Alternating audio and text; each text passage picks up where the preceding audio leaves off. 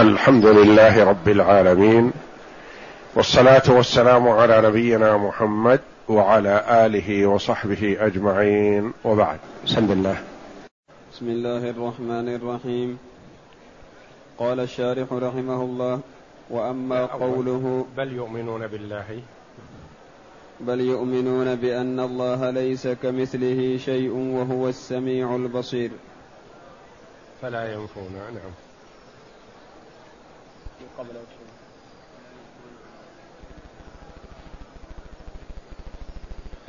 ومن الإيمان بالله. ومن الإيمان بالله الإيمان بما وصف به نفسه في كتابه العزيز وبما وصفه به رسوله محمد صلى الله عليه وسلم من غير تحريف ولا تعطيل ومن غير تكييف ولا تمثيل. بل يؤمنون بأن الله ليس كمثله شيء وهو السميع البصير. نعم.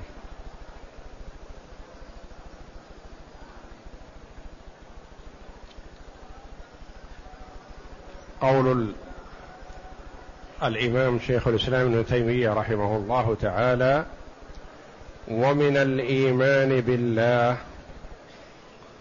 الإيمان بما وصف به نفسه.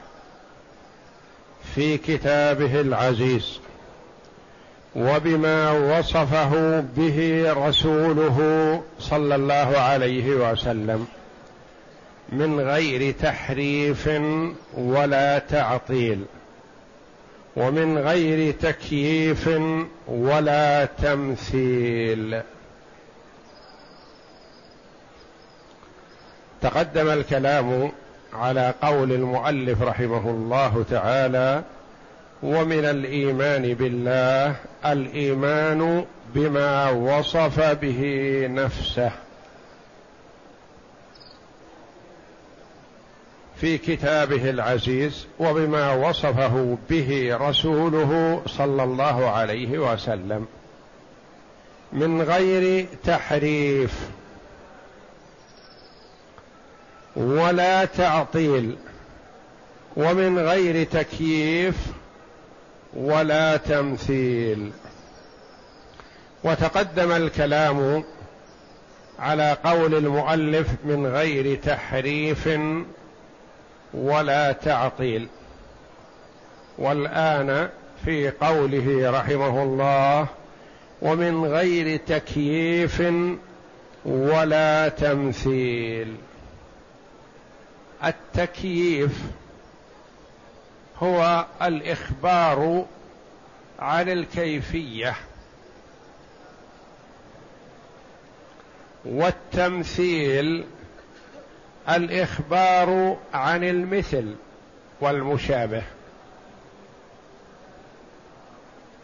تكييف الكيف. تقول جاء زيد راكبا بينت كيف مجيء زيد. جاء راكبا ما جاء ماشيا.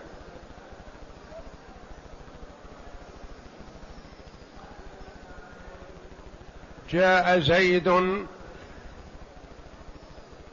ضاحكا. كيفية مجيئه؟ أنه كذا. بهذه الصفة.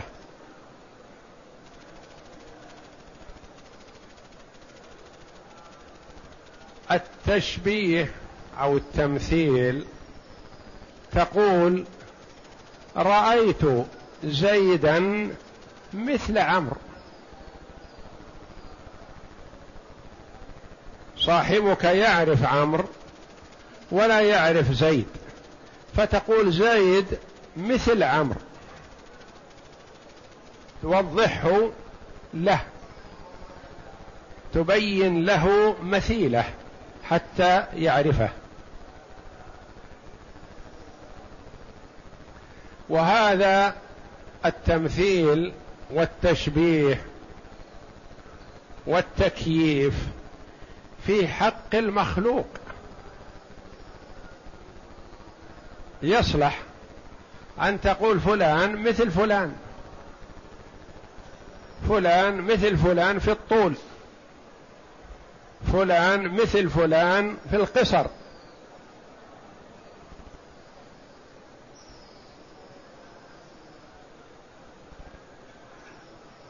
أما في حق الخالق جل وعلا فلا يليق التكييف ولا التمثيل والسؤال عن هذا بدعة. لما قلنا بدعة؟ كما قال الإمام مالك رحمه الله تعالى وقال كثير من علماء السلف السؤال نفسه بدعة. والسائل لا يخلو. إن كان جاهل فيبين له. ويقال لا يجوز مثل هذا السؤال ولا يسأل مثل هذا السؤال إلا المبتدعة. أما إن كان غير جاهل عنده علم فنقول هذا السؤال بدعة. والسائل مثل هذا السؤال مبتدع. لأنه سأل عن شيء لم يسأل عنه الصحابة رضي الله عنهم الذين هم علماء الأمة. وهم أحرص على العلم من كل أحد. وعندهم العالم بما يمكن أن يصل إليه علم مخلوق لا أعلم منه عليه الصلاة والسلام. لكن عقولهم وإدراكهم ومعرفتهم بالله جل وعلا جعلهم لا يسألون هذا السؤال لا يسألون الكيفية. هذا من فقههم رضي الله عنهم وأرضاهم.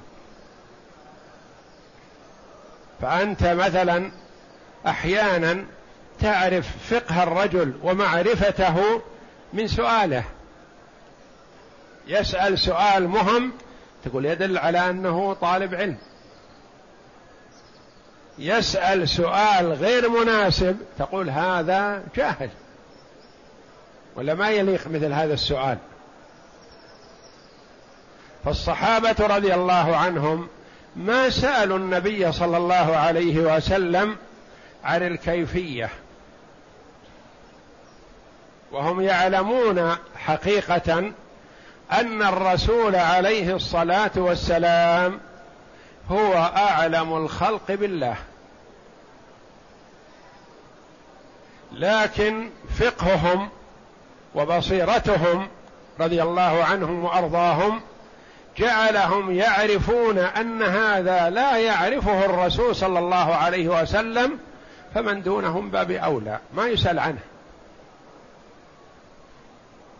لأن الكيفية السؤال عن الكيفية تتوقف على الإحاطة والرؤية. فما يمكن أن يسألوا الرسول صلى الله عليه وسلم عن شيء لا يليق. فلذا قال السلف رحمة الله عليهم من سأل هذا السؤال فقد ابتدع. وحذروا منه والإمام مالك أخرجه من المسجد لأنه ابتدع. وكان السلف يحذرون من أهل البدعة ولا يناقشونهم. لأنهم يلقون الشبهة التي قد تؤثر على العامة. طالب العلم مثلا يرد الشبهة ولا يقبلها لكن قد يسمعها عامي فتؤثر فيه هذه الشبهة ولو بعد حين. فلذا كان السلف رحمة الله عليهم ينابذون أهل البدعة. يعني قد يخالطون صاحب المعصية ويناصحونه ويدعونه ويتألفونه لكن صاحب البدعة يحذر لأنه يلقي الشبه التي قد تؤثر على الإنسان في عقيدته. فلذا قال الإمام مالك رحمه الله والسؤال عن هذا يعني مثل سؤالك أيها السائل المبتدع والسؤال عنه بدعة. وما أراك إلا رجل سوء وأمر به أن يخرج من المسجد. هو قال كلمة عظيمة في الشر تفتح باب شر لأن العاقل ما يقحم نفسه في التعرف على شيء لا يمكن أن يصل إليه. ممكن يجتهد في بعض المسائل العلمية ويهتم بها ويسهر عليها ليل نهار حتى يدركها. ممكن. مسائل علمية عويصة. لكن أمور ما يمكن أن يخطر على البال أو يتصور عاقل أنه يدركها فيقف دونها.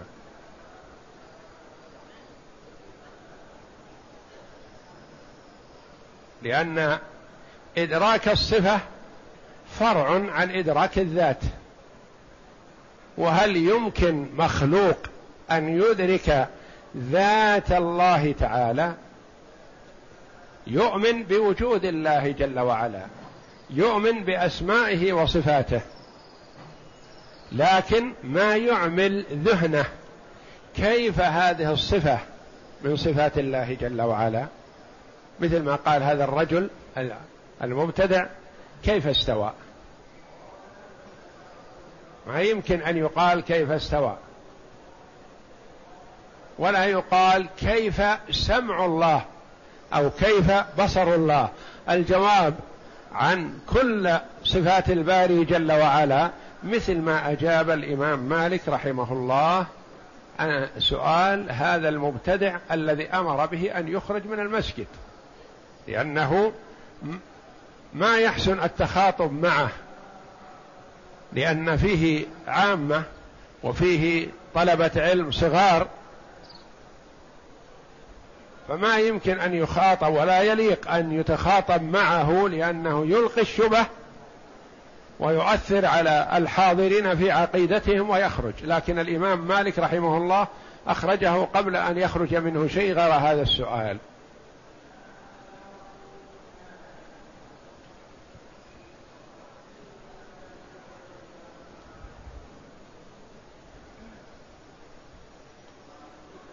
وقول المؤلف رحمه الله نعم قوله من غير تكييف ولا تمثيل.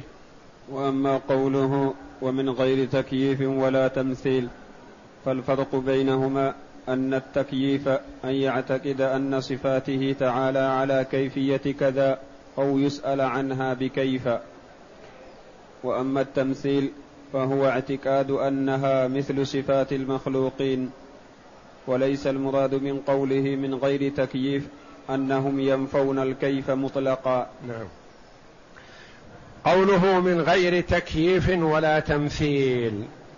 الفرق بينهما التكييف أن يعتقد أن صفاته تعالى على كيفية كذا. هذا محرم.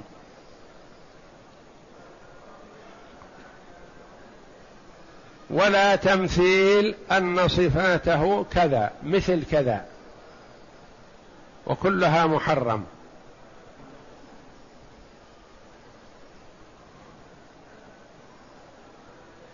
وبين التمثيل والتكييف عموم وخصوص مطلق كما تقدم لنا في التعطيل والتحريف. فهنا نقول في التكييف والتمثيل بينهما عموم وخصوص مطلق. فكل ممثل مكيف. وليس كل مكيف ممثل. يكون مكيف لكن ليس ممثل. أما الممثل فهو مكيف ممثل ومكيف. ويأتي إيضاح هذا إن شاء الله.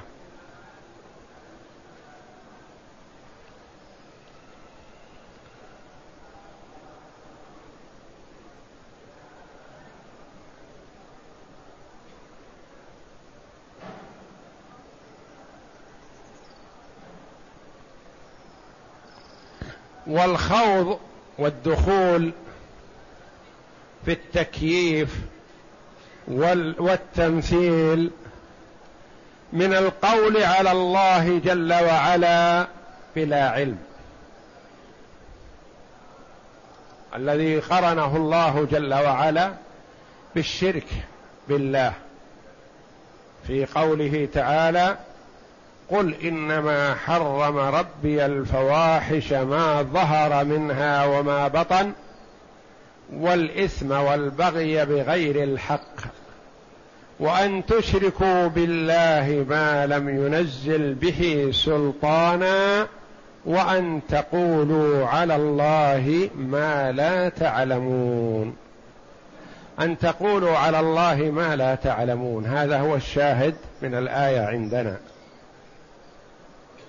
فمن كيف فقد قال على الله بلا علم.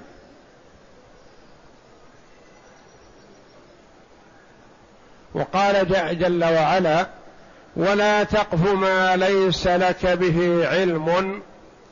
إن السمع والبصر والفؤاد كل أولئك كان عنه مسؤولا. ولا تقف ما ليس لك به علم.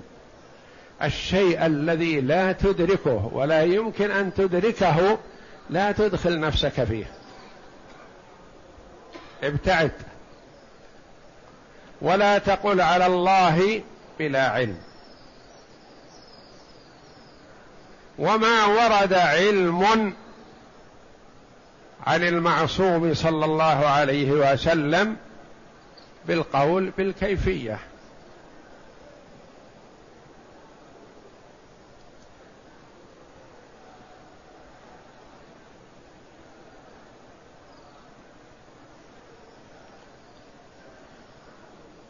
وذلك أن معرفة كيفية أي شيء مخلوق أي مخلوق. معرفة كيفيته تحصل بماذا؟ بواحد من ثلاثة أمور. إما معرفته أو معرفة نظيره.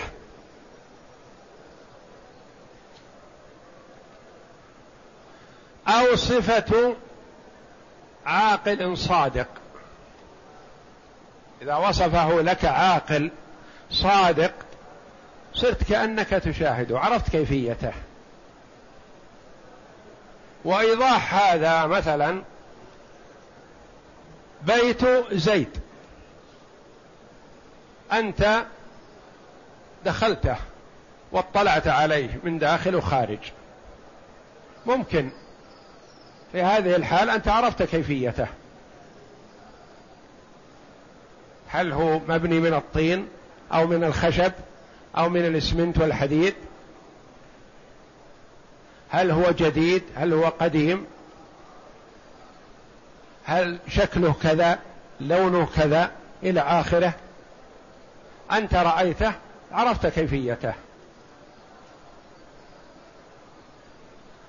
الشيء الثاني أن تعرف نظيره. ممكن أن تعرف بيت زيد لكونك تعرف نظيره. بيت زيد مثلا في الرياض. وأنت ما جئته ولا تعرفه.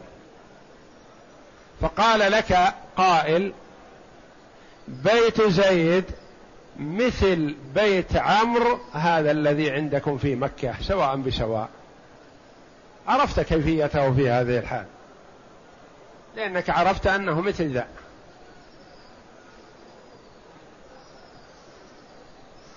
الحالة الثالثة وصف من عاقل صادق. قال لك بيت زيد صفته كذا كذا كذا كذا أصبحت كأنك تشاهده. وهذه الأمور الثلاثة ذي كلها ما تتأتى في حق الله جل وعلا ابدا.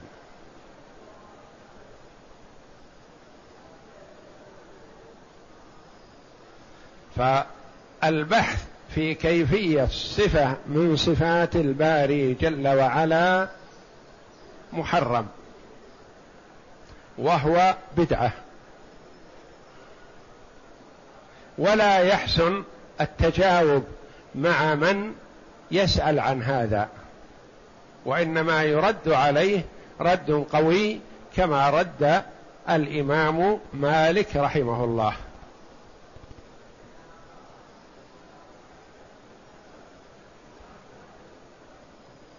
إن كان جاهل فهو يعطى درس من أجل أن لا يجره عقله فكره إلى التمادي في مثل هذه الأمور. وإن كان عنده شيء من العلم لكنه مبتدع فيكون الرد على قدره لرد بدعته ولئلا يلقي ما عنده من الشبه.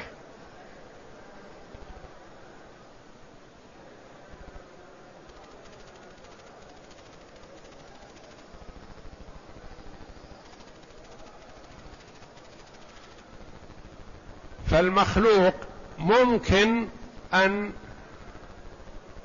يدرك كيفيته. لكن الخالق جل وعلا لا ولا يسأل عن هذا.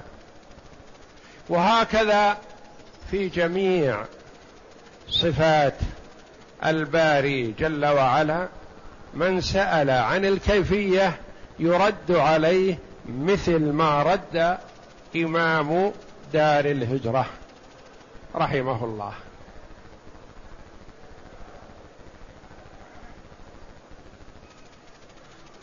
قد يقول قائل مثلا كيف ينزل ربنا إلى سماء الدنيا كل ليلة حين يبقى ثلث الليل الآخر؟ نقول له قول النبي صلى الله عليه وسلم ينزل ربنا. هذا معناه معلوم. واضح. ويجب علينا الإيمان والتصديق بما قال النبي صلى الله عليه وسلم. ويحرم علينا أن نسأل كيف ينزل. هذا لا ليس إلينا. أي لنا الإيمان والتصديق بالمعنى. والكيفية ليست لنا. ومن بحث عن هذا فقد تدخل فيما لا يعنيه. لأن الله جل وعلا على كل شيء قدير. ومحيط بكل شيء. ولا يليق أن نقول كذا أو كذا أو الليل مثلا يطول ويقصر أو ليل في بلد نهار في بلد. نقول قال النبي صلى الله عليه وسلم الصادق المصدوق في الحديث الصحيح ينزل ربنا كل ليلة حيثما يبقى ثلث الليل الآخر. فنقول آمنا وصدقنا وفهمنا معنى النزول لكن ما نفهم كيفية النزول. ولا نتدخل فيه. فالبحث في موضوع الأسماء والصفات اولا الواجب علينا جلي واضح والحمد لله. والمحرم علينا هو الذي يضرنا في عقولنا وفي إيماننا وعقيدتنا إذا بحثنا فيه.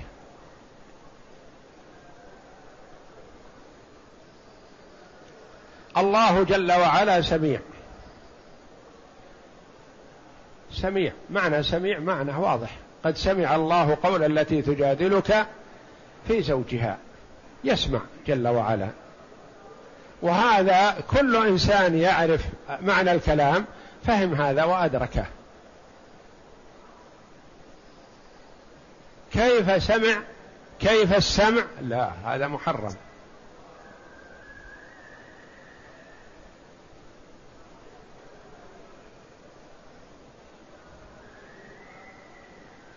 الله جل وعلا وصف نفسه بأن له وجه وجه الله. معنى كلمة وجه هذه واضحة جلية لا إشكال فيها. السؤال عن هذا بكيف؟ هذا محرم.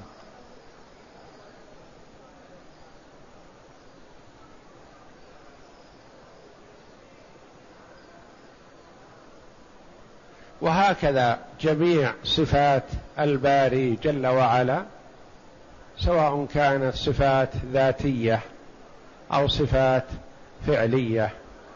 صفات ذاتية كالسمع والبصر واليد وصفات فعلية كالاستواء والنزول وغير ذلك. كل هذا يجب علينا الإيمان والتصديق بمعناها. ويحرم علينا البحث والسؤال عن الكيفية.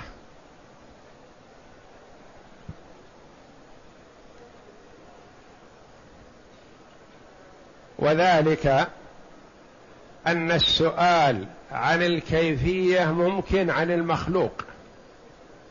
تقول كيف زيد؟ طويل ولا قصير مثل عمرو؟ هذا ممكن. لكن تسأل بكيف عن الله جل وعلا؟ لا. هذا ما يليق. الصحابة رضي الله عنهم ما سألوا النبي صلى الله عليه وسلم لأن عندهم من العلم ما منعهم من أن يسألوا السؤال غير اللائق. يعرفون كيف يسألون النبي صلى الله عليه وسلم ويسترشدون منه في الأحكام.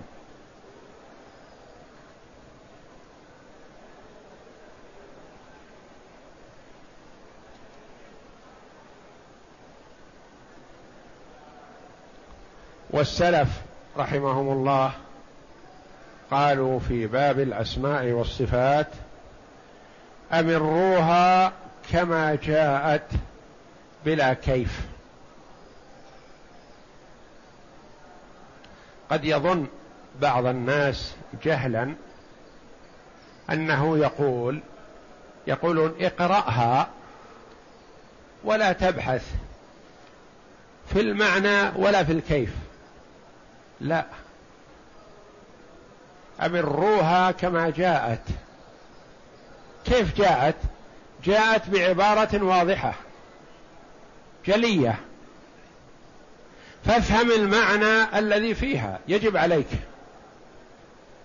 إذا ما أدركت ما فهمت المعنى فكأنك عطلت الله جل وعلا من صفاته. مثل ما يقولون سميع بلا سمع. بصير بلا بصر. هذا شو الفائدة؟ كلام مجانين.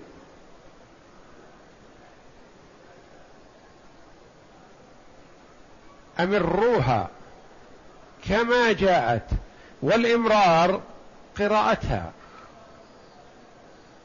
وقراءتها تحصل يحصل بها فهم معناها. فهم معناها. ما بنقرأ إحنا كلمات عامية كلمات مثلا أعجمية ما ندري إيش معناها. نغيبها بألسنتنا ولا ونرددها بألسنتنا ولا ندري إيش معناها. لا. معناها واضح. جاءت بأوضح عبارة. الرحمن على العرش استوى.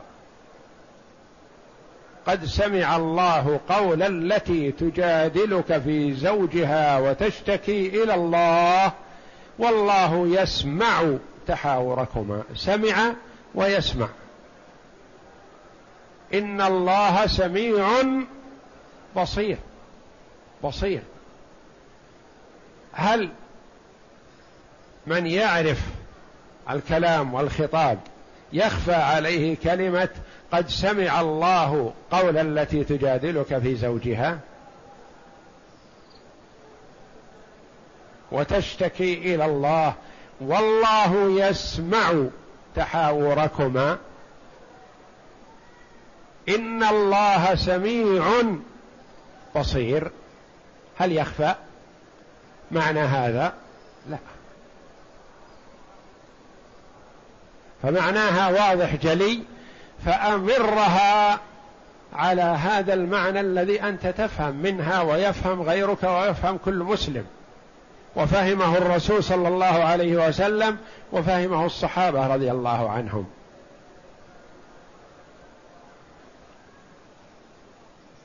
ثم قال أمروها كما جاءت بلا كيف يعني احذر. افهم المعنى لكن اجتنب الكيف.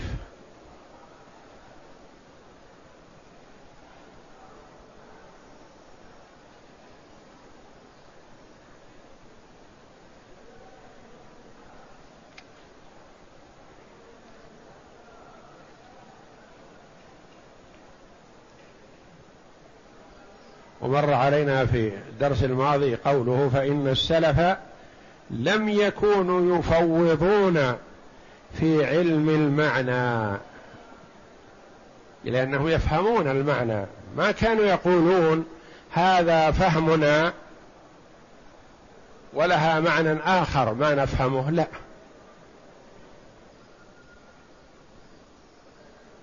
مفهوم كلمة لكن يفوضون في الكيف ما يكيفون ولا يقولون كيفية كذا أو مثل كذا تعالى الله.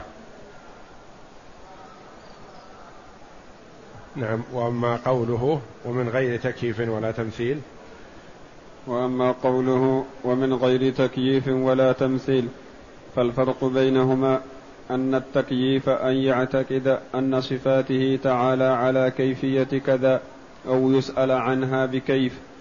يعني لا يسأل عنها بكيف ولا يقال على كيفية كذا في جانب صفات الله.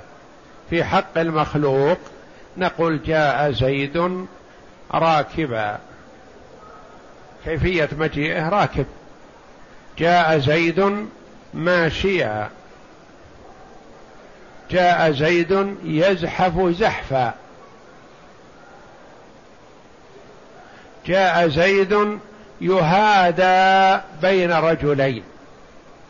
كما قال عبد الله بن مسعود رضي الله عنه ولقد كان الرجل يؤتى به يهادى بين الرجلين حتى يقام في الصف. إذا قال لك مثلا قائل جاء زيد إلى المسجد يهادى بين رجلين. أدركت ادراكا حقيقي كيفية مجيئه. ما جاء بسيارة ولا جاء ماشيا وحده ولا جاء يمشي على يديه ورجليه ولا جاء يزحف على مقعدته بل قال لك جاء يهادى بين رجلين. عرفت؟ عرفت الكيفية لأن هذه كيفية واضحة جلية. هذا بالمخلوق ممكن الإحاطة بكيفيته لأنك تحيط به.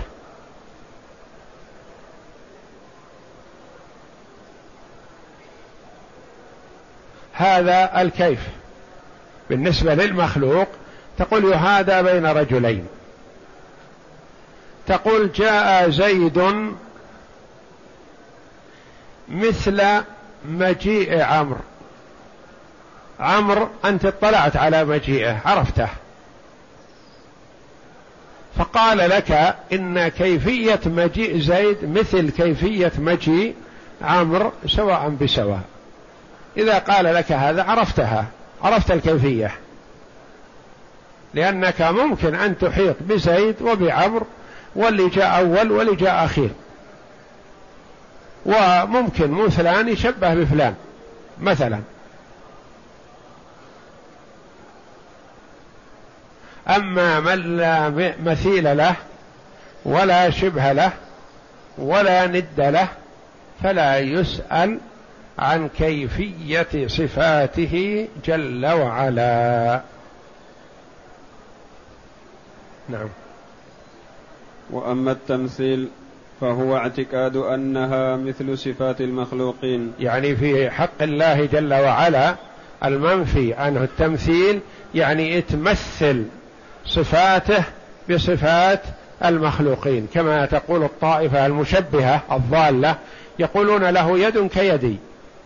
ورجل كرجلي ووجه كوجهي. تعالى الله عما يقولون علوا كبيرا. نعم. وليس المراد من قوله من غير تكييف أنهم ينفون الكيف مطلقا. إيه انتبه لهذه. وليس المراد من قوله من غير تكييف أنهم ينفون الكيف مطلقا. ماذا ينفون؟ ينفون إدراك الكيف أو الكلام فيه وإلا ما فيه صفة ووجود إلا له كيفية. لكن نقول لا نعلم كيفية صفة الباري جل وعلا. لا شك أن الاستواء له كيف. لكن هل ندري كيف هو؟ تعالى الله لا. فمعنى ذلك أنهم لا ينفون الكيف مطلقا لأن الموجود وصاحب الصفة له كيف. لكن كيف نحيط به وهو كيف المخلوق؟ وكيف لا نحيط به مع تحققه أنه لابد من الصفة لها كيف؟ لكن لا نسأل عنه ولا ندركه ولا نستطيع إدراكه. نعم. فإن كل شيء لا بد أن يكون على كيفية ما. لابد أن يكون على كيفية. لكن فيه كيفية ممكن أن تدركها وكيفية لا يمكن أن تدركها. وهناك أشياء غائبه عنا وهي مخلوقة ما نستطيع أن ندرك كيفيتها ابدا. مثل العرش ومثل حملة العرش. حملة العرش ما نستطيع وهم مخلوقون مثلنا. بالخلق مخلوقون لله جل وعلا لكن لا نستطيع أن ندرك كيفية صفاتهم. وكذلك العرش. ما ندرك صفته لكن لابد له صفة له كيفية هو. العرش له كيفية. لكن هل ندركها؟ لا. فما من موجود أو ما من شيء إلا وله كيفية. لكن بعض الكيفيات نستطيع أن نحيط بها. وبعض الكيفيات لا نستطيع وإن كان مخلوق. نعم. ولكن المراد أنهم ينفون علمهم بالكيف إذ لا يعلم كيفية ذاته وصفاته إلا هو سبحانه. ولكن المراد أنهم ينفون العلم بالكيف. ينفي المرء علمه بكيفية صفة الباري جل وعلا. يقول ما أدرك. أؤمن بالله وبما جاء عن الله على مراد الله. أؤمن بالاستواء لكن لا أعلم كيفيته. إذ لا يعلم كيفية ذاته وصفاته إلا هو سبحانه وتعالى. فالصحابه رضي الله عنهم ما سألوا النبي صلى الله عليه وسلم عن ذلك لأنهم يعرفون أن الرسول عليه الصلاة والسلام لا يدرك كيفية صفات الباري جل وعلا. لا يعلم صفاته كيفية صفاته إلا هو سبحانه. لكن معنى الصفة معلوم والحمد لله. المعنى غير الكيف.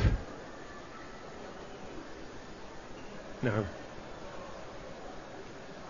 بل يؤمنون بأن الله ليس كمثله شيء وهو السميع البصير. قال الشارح قوله ليس كمثله هذه الآية المحكمة من كتاب الله عز وجل هي دستور أهل السنة والجماعة في باب الصفات هي دستور أهل السنة والجماعة وهي مرجع وهي عمدة. يصح أن تقول فيها كل هذا لأن هذه الآية آية عظيمة محكمة واضحة جلية جمعت النفي والإثبات.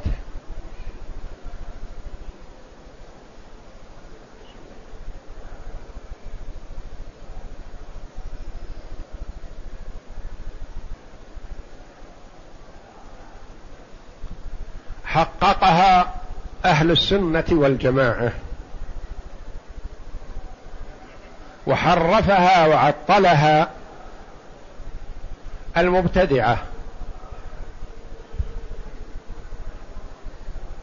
طائفتان على طرفي نقيض.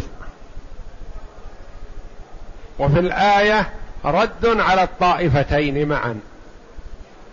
ودليل لأهل السنة والجماعة. ليس كمثله شيء. هذا رد على من؟ على المشبهة الممثلة. وهو السميع البصير رد على المعطلة النفاة. ومجموعها دليل واضح جلي لأهل السنة والجماعة. براءة من الطائفتين الضالتين. ليس كمثله شيء. لا يشابهه شيء.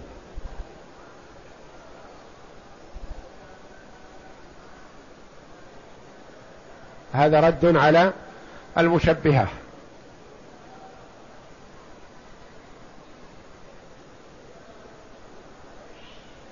المعطلة يقولون نعم نحن نفينا الصفات حتى لا نشبهه بالمخلوقين. فالمعطلة يقولون أخذنا بقوله تعالى ليس كمثله شيء. فنفينا جميع الصفات مثلا أو بعضهم نفى غالب الصفات.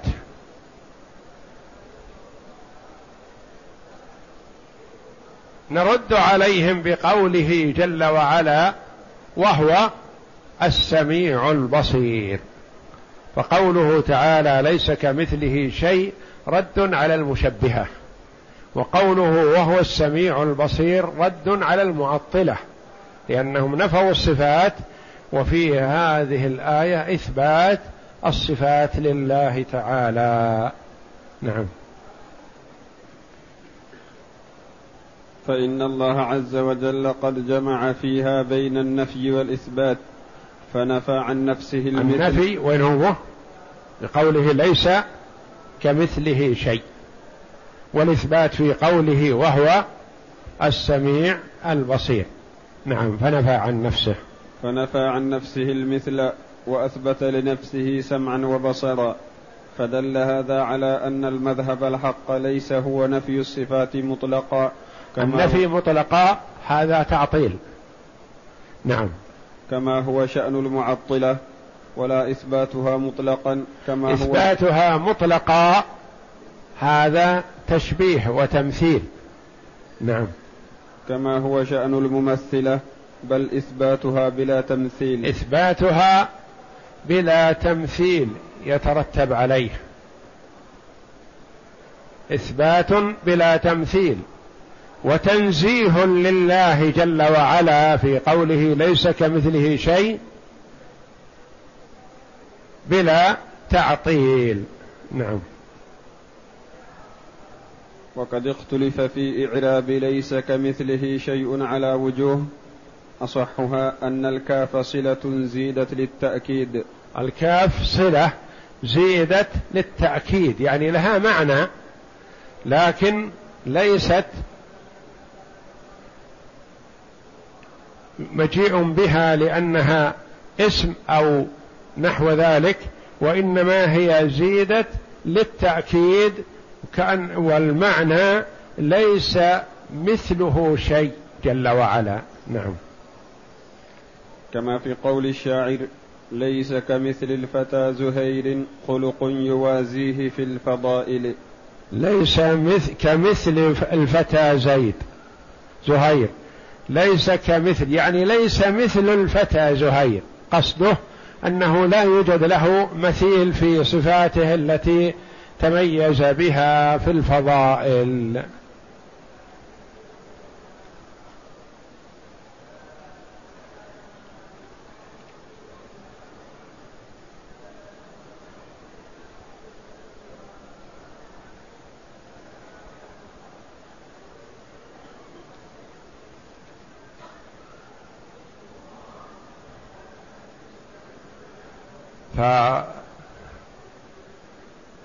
فمذهب أهل السنة والجماعة وسط بين مذهبين منحرفين. والعاقل المدرك ببصيرته مع أدلة السمع الواردة في الكتاب والسنة إذا تأملها وجد أن الوسط هو الخير. الذي هو مذهب أهل السنة والجماعة. فالنفاة عطلوا الله جل وعلا من صفاته. والم والمشبهة شبهوا الله جل وعلا بخلقه. وكما قال بعض السلف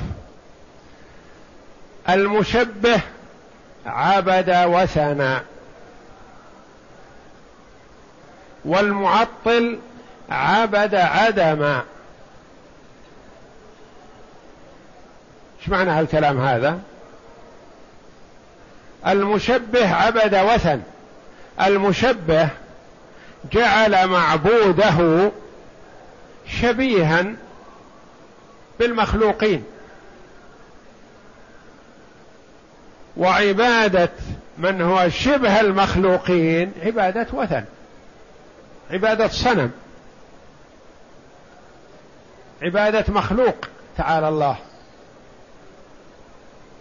والمعطل عبد عدما إيش معنى عبد عبد؟ يعني عبد لا شيء. المعطل عطل الله من صفاته. يعني كأنه غير موجود. يقول سميع بلا سمع بصير بلا بصر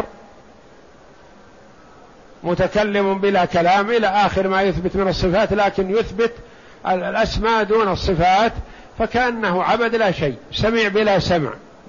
كيف يكون؟ بصير بلا بصر كيف يكون؟ إذا كان بصير بلا بصر إيش معنى هالكلام هذا؟ عبد شيء؟ ما عبد شيء. عبد عدم يعني لا شيء. وأهل السنة والجماعة عبدوا إلها واحدا فردا صمدا سبحانه وتعالى. ثم المعطل. يقال له الله جل وعلا يصف نفسه بكذا وأنت أيها الشقي تأتي تقول لا. ونزه الله عن هذا. الله جل وعلا أثبت لنفسه هذا وأنت تقول أنا أنزه الله عما أثبته لنفسه.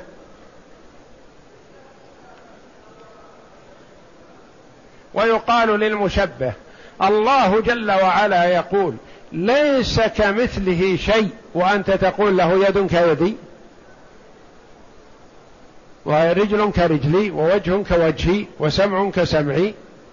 تعالى الله. والله جل وعلا يقول ليس كمثله شيء. وأنت تناقض الله جل وعلا في قوله. والمتمسك بالكتاب والسنة يقول أؤمن بما جاء عن الله على مراد الله. وأصف الله بما وصف به نفسه. هو وصف نفسه جل وعلا. لا أحد أعلم من الله بالله جل وعلا. فهو يصف نفسه لنا. قل هو الله أحد الله الصمد لم يلد ولم يولد ولم يكن له كفوا أحد. وهو السميع البصير. الله لطيف بعباده. تقول لا. ما هو لطيف؟ تعالى الله. الله سميع بصير. تقول ما في سمع ولا بصر.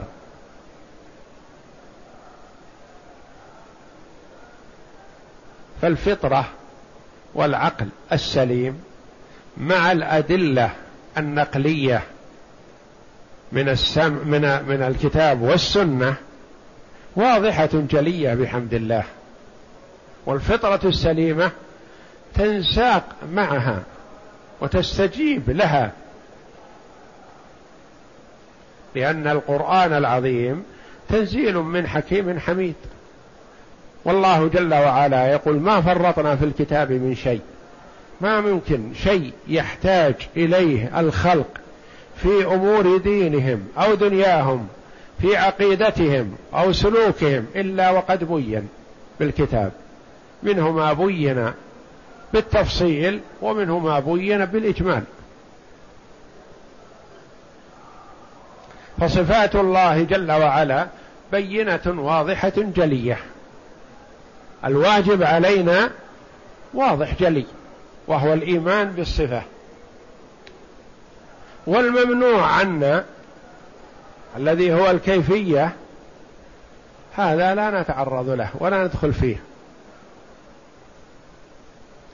وأكثر ما يحصل والعياذ بالله الزيغ من إقحام الإنسان نفسه في شيء ما كلف به. يواخذ بهذا والعياذ بالله فيزيغ ويضل وينحرف. عن الصراط المستقيم. حتى إن بعض الكلاميين يتمنى عند الموت أن يموت على عقيدة عجائز نيسابور لأنه من تلك البلاد. لأن عقيدة العجائز على الفطرة. يؤمنون بما جاء في كتاب الله.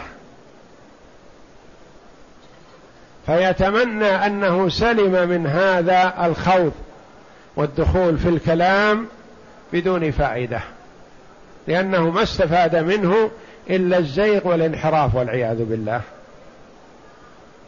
ومنهم من يوفق في آخر عمره يتوب ويندم ويرجع إلى الله ويتأسف على ما فات من بحثه ونقاشه وأخذه ورده في مع أهل الكلام. ومنهم من والعياذ بالله من يكون على ضلاله ويموت على شقائه والعياذ بالله. ولا أسلم ولا أفضل من فهم المعنى والإعراض عن الكيفية. المعنى واضح. ما يقول الإنسان ما أدري وش معنى استوى ولا أدري معنى سميع ولا أدري معنى بصير. لا يا أخي هذا واضح. سميع بصير رؤوف رحيم عزيز حكيم. معناها واضح جلي والحمد لله. لكن سؤال عن كيفية لا. لأن الكيفية يترتب عليها أن تكون ممكن أن تحيط بهذا الشيء الذي تعرف كيفيته. ولا يمكن للمخلوق أن يحيط بكيفية صفه من صفات الباري جل وعلا.